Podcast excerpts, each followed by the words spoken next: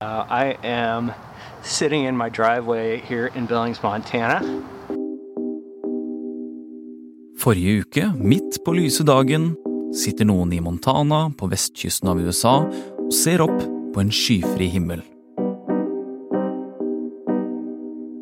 Men plutselig ser de noe merkelig på himmelen. And this thing is up in the sky. And I have no idea what it is. Er det en fugl? Er det et fly? Nei. Uh, and for those of you who think uh, this might just be the moon, it is not the moon. The moon is off to my right. I can see it. For høyt der oppe, rundt 18 km opp i luften, svever det noe som er på størrelse med Oslo rådhus. En diger ballong.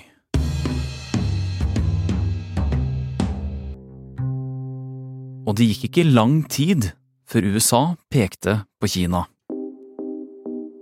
Og Kina, de mente at det var en av deres værballonger som hadde kommet på avveie. Og nå har ballongen fått langdistanseforholdet mellom Kina og USA til å skjære seg helt. Du hører på Forklart. Mitt navn er Philip A. Johannesborg. Og i dag er det onsdag 8. februar.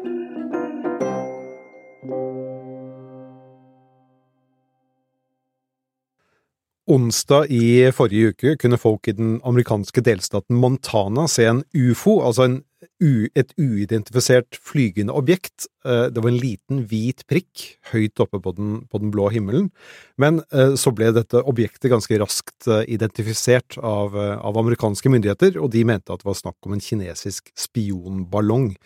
Eh, og den hadde kommet seg inn i amerikansk luftrom over Alaska, før den beveget seg inn i Canada og deretter inn i, inn i USA igjen. Og i, i 20 km høyde så var den faktisk stor nok til at den var synlig fra bakken, og, og det førte til masse, masse, oppstyr. Og så fikk det også politiske konsekvenser, eh, og det skjønte vi da USAs utenriksminister Anthony Blinken kalte inn til en pressekonferanse i slutten av forrige uke. Well, good afternoon, everybody. Um, I am to welcome Foreign Minister Park back. Kristoffer Rønneberg, du er journalist her i Aftenposten og tidligere Asia-korrespondent. Eh, hva ble sagt på denne pressekonferansen? Altså, i, i, utgangspunktet så hadde Blinken egentlig kalt inn til denne pressekonferansen for å fortelle om et hyggelig møte med sin kollega, utenriksministeren fra, fra Sør-Korea, men han visste jo at uh, det ikke var det folk var interessert i å, å, høre om uh, den dagen. De var mye mer opptatt av å høre om noe annet, nemlig denne ballongen.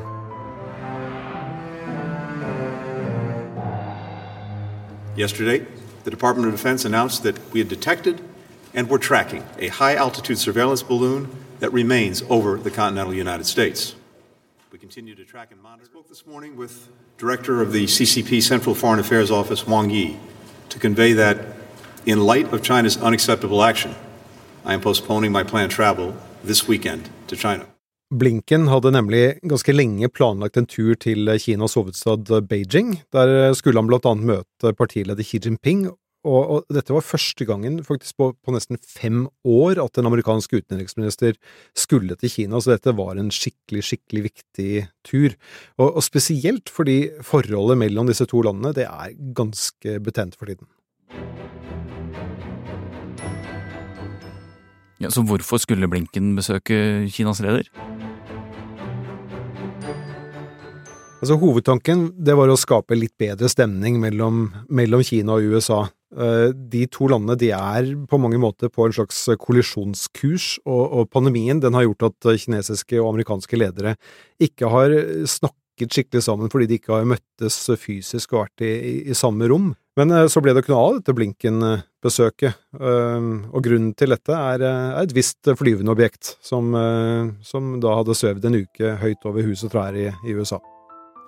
I flere dager flyr denne kinesiske ballongen over Amerika, og den suser av gårde helt til Sør-Carolina. Amerikanerne de er helt overbevist om at dette er en, eller var, får vi si nå, en kinesisk spionballong, altså noe Kina sendte til USA for å overvåke hva som skjer på bakken der. Eh, men fra kinesisk hold så, så får vi høre noe helt annet, nemlig at dette var en sivil værballong som egentlig bare skulle samle inn eh, meteorologisk informasjon og andre ting som kunne brukes til, eh, til vitenskapelige formål. Men var det det, da? Altså Det vi vet, er at den har beveget seg ganske sakte eh, helt oppe da fra Alaska, altså nedover i en sørøstlig retning, helt til den kom til kysten utenfor eh, eh, Sør-Carolina. Og, og, denne ferden over himmelen den skjedde i løpet av en, en ukes tid, og, og, ballongen hang stort sett så lavt på himmelen at den var mulig for, for folk å se fra, fra, bakken. Og hadde du en kikkert, så kunne du se ganske nøye på den og se at det hang eh, mye utstyr under denne hvite ballongen. Og, og, spørsmålet som mange stiller seg nå, det er jo hva kineserne har tenkt. For hvis det var en spionballong, så må de jo visst at den kom til å bli oppdaget av amerikanerne eh, i Montana og andre steder. Um, og den bevegde seg med en, tyngde som en veldig tung ballong, altså mye tyngre enn, og mye større enn hva man vanligvis forbinder med, med sånne værballonger. Men eh, om den kunne samle inn noe annet enn hva kinesiske satellitter kan gjøre, og kineserne har noe sånt som 600 satellitter i bane rundt jorden, det, det er ganske, ganske, uklart. Og på toppen av det så sier amerikanerne også at de forstyrret signalene fra denne ballongen, sånn at den ikke skulle kunne sende noe informasjon tilbake til Kina. Det tar ikke mange dagene før USA tar affære. Allerede dagen etter pressekonferansen så skyter amerikanske kampfly ballongen ned.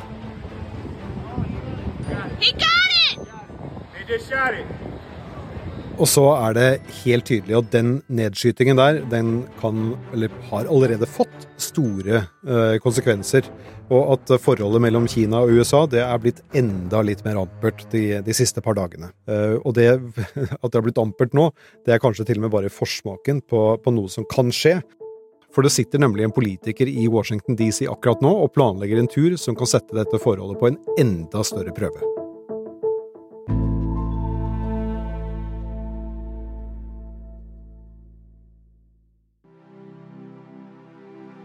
Idet ballongen daler ned i sjøen utenfor USAs østkyst, så rykker marinen ut i båter for å samle inn restene og for å finne ut av hva ballongen inneholder.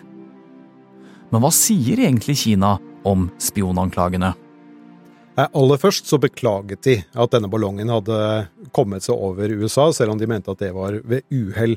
Men etter at amerikanerne skjøt den ned, så har de blitt mye tydeligere sinte over eh, hva som, har, hva som har skjedd.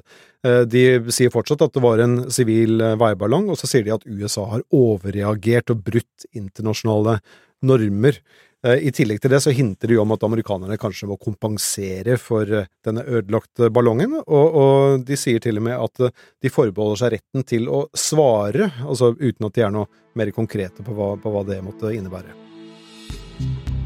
Og alt oppstyret rundt denne ballongen har gjort forholdet mellom Kina og USA enda mer anspent enn det det var.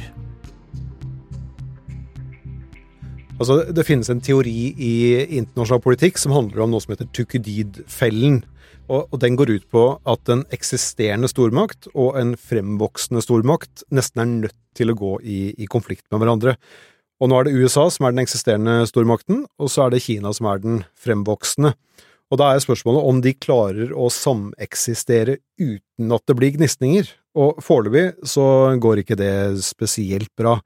Og, og, dette med ballongen det blir på en måte bare den siste episoden av en TV-serie der handlingen bare blir mer og mer amper og, og intens. Bare de siste ukene har det skjedd mye som har gjort forholdet mellom stormaktene dårligere. USA har bl.a. innført sanksjoner mot Kina, og de vurderer å forby TikTok. Eh, så er det en del av dem som rett og slett er fullstendig oppslukt av frykt eh, for en fremtidig krig med, med Kina. En, en, amerikansk general for eksempel, han skrev ganske nylig i et notat som ble lekket, at han tror at denne krigen kan skje allerede innen tre år. Og midt i alt dette er det én ting som er ekstra betent, nemlig USAs Taiwan-politikk. Denne øya, som har hatt selvstyre siden 1949, men som Kina mener tilhører dem forklart så er Taiwan restene av det regimet som styrte Kina før kommunistene tok makten i, i 1949. Altså, den gangen så var hele Kina kjent som Republikken Kina, og ble ledet av en fyr som het Chiang Kai-shek. Og Chiang Kai-shek han flyktet til øya Taiwan i 1949, men han ga aldri helt opp håpet om at han skulle ta med seg soldatene sine og dra tilbake for å få tilbake makten på, på fastlandet. Altså, det skjedde jo ikke. Eh, I stedet så ble Taiwan et selvstyrt eh, land på alle eh, praktiske måter, og etter hvert et ganske blomstrende demokrati. Nå er de også verdens viktigste produsent av superavanserte mikrobrikker. Så de er helt uavhengig av fastlandskina og Folkerepublikken Kina, det altså kommunistregimet som, som eh, styrer Kina. Men partitoppene i Beijing de er fast bestemte på at Taiwan er en del av Folkerepublikken Kina, og så har de flere ganger truet med å ta tilbake øya, rett og slett med militær makt. Eh, og de siste årene så har vi sett dem sette ord til eh, handling, og de har gjennomført massevis av militærøvelser i, i, i området rundt Taiwan, rett og slett for å vise muskler. Og dette har da USA på en eller annen måte rotet seg borti? Ja, altså Amerikanerne har en stor interesse av at Taiwan beholder sitt selvstyre. Altså Både fordi USA ønsker å støtte demokratiet der, og fordi de ikke vil at Beijing-myndighetene skal få kontroll på hele Sør-Kina-havet og, og området rundt, altså sør for Kina. Eh, Joe Biden han har flere ganger sagt altså Han eh, har liksom forsnakket seg, men han har gjort det så mange ganger at man, eh, man, man, skjønner at han mener det. Han har sagt at USA kommer til å komme taiwanerne til unnsetning hvis Kina skulle gå til angrep. Og amerikanske politikere, spesielt folk fra Kongressen, de besøker Taiwan stadig vekk, altså det er flere besøk i, i året. Og nå planlegger Kevin McCarthy, altså spikeren i Representantenes hus, en tur til Taiwan. Og det er ikke første gang en speaker, altså en av USAs mektigste politikere, besøker Taiwan. Da Nancy Pelosi, som var speaker før McCarthy, besøkte Taiwan i august 2022, var reaksjonene voldsomme. Ja, da Pelosi besøkte Taiwan, så, så ble kinesiske myndigheter helt rasende. Altså, de, de reagerte med den største militærøvelsen de noen gang har hatt i området. Altså Blant annet så omringet de hele Taiwan bare for å vise at de kan lage en blokade av øya hvis de vil det. Og så sendte de missiler på tvers over Taiwan. Og hvilke følger fikk dette besøket? Dette besøket var egentlig ikke så populært i Det hvite hus heller, fordi president Biden og hans rådgivere mente at det kunne skape, eller at det skapte unødvendig uro. Men uh, presidenten kan ikke styre hva spikeren uh, gjør, og det var nok litt vanskelig å forklare lederen i en ettpartistat akkurat det, at presidenten ikke hadde den makten. Så um, de, de, kinesiske lederne de, de ble veldig sinte, uh, uansett hva, hva, Biden sa, og, og, det kommer de helt sikkert også til å bli hvis Kevin McCarthy nå velger å besøke Taiwan. Det er trøbbel rundt Taiwan, det er en gryende handelskrig. Oppå dette igjen kommer det da en betent luftballong fra øst. Og Kristoffer Rønneberg, skimter vi en ny kald krig mellom øst, altså Kina, og den såkalte vestlige verden nå?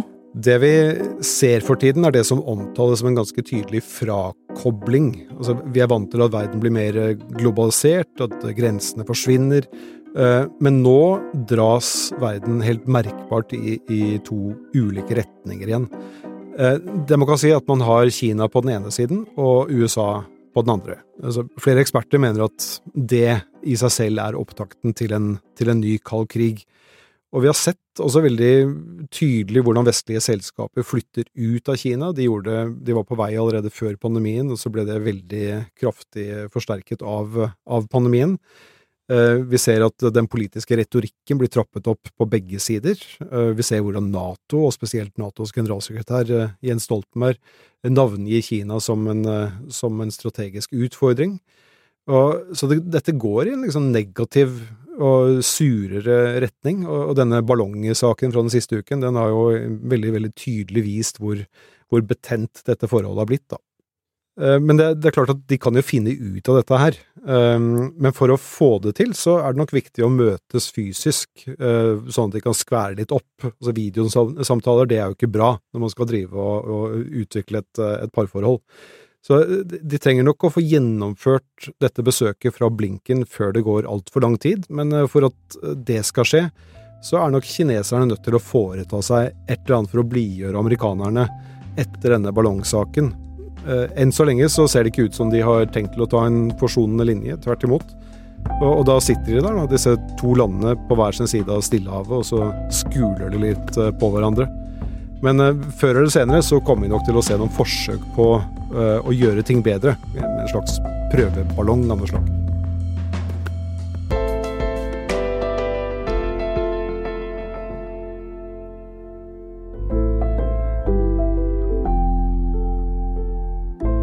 Du har hørt en podkast fra Aftenposten, i dag med journalist Kristoffer Rønneberg som forklarte situasjonen mellom USA og Kina. Lyden er hentet fra NRK, AP, CNN, NBC og fra Shaystoke via nyhetsbyrået AP. Denne episoden er laget av Trond Odin Johansen, Synne Søhol og meg, Philip A. Johannesborg. Resten av Forklart er Jenny Føland, David Vekoni og Anders Weberg. Og vil du høre mer podkaststoff fra Aftenposten, ja da kan du sjekke ut Aftenpodden USA i Podme-appen.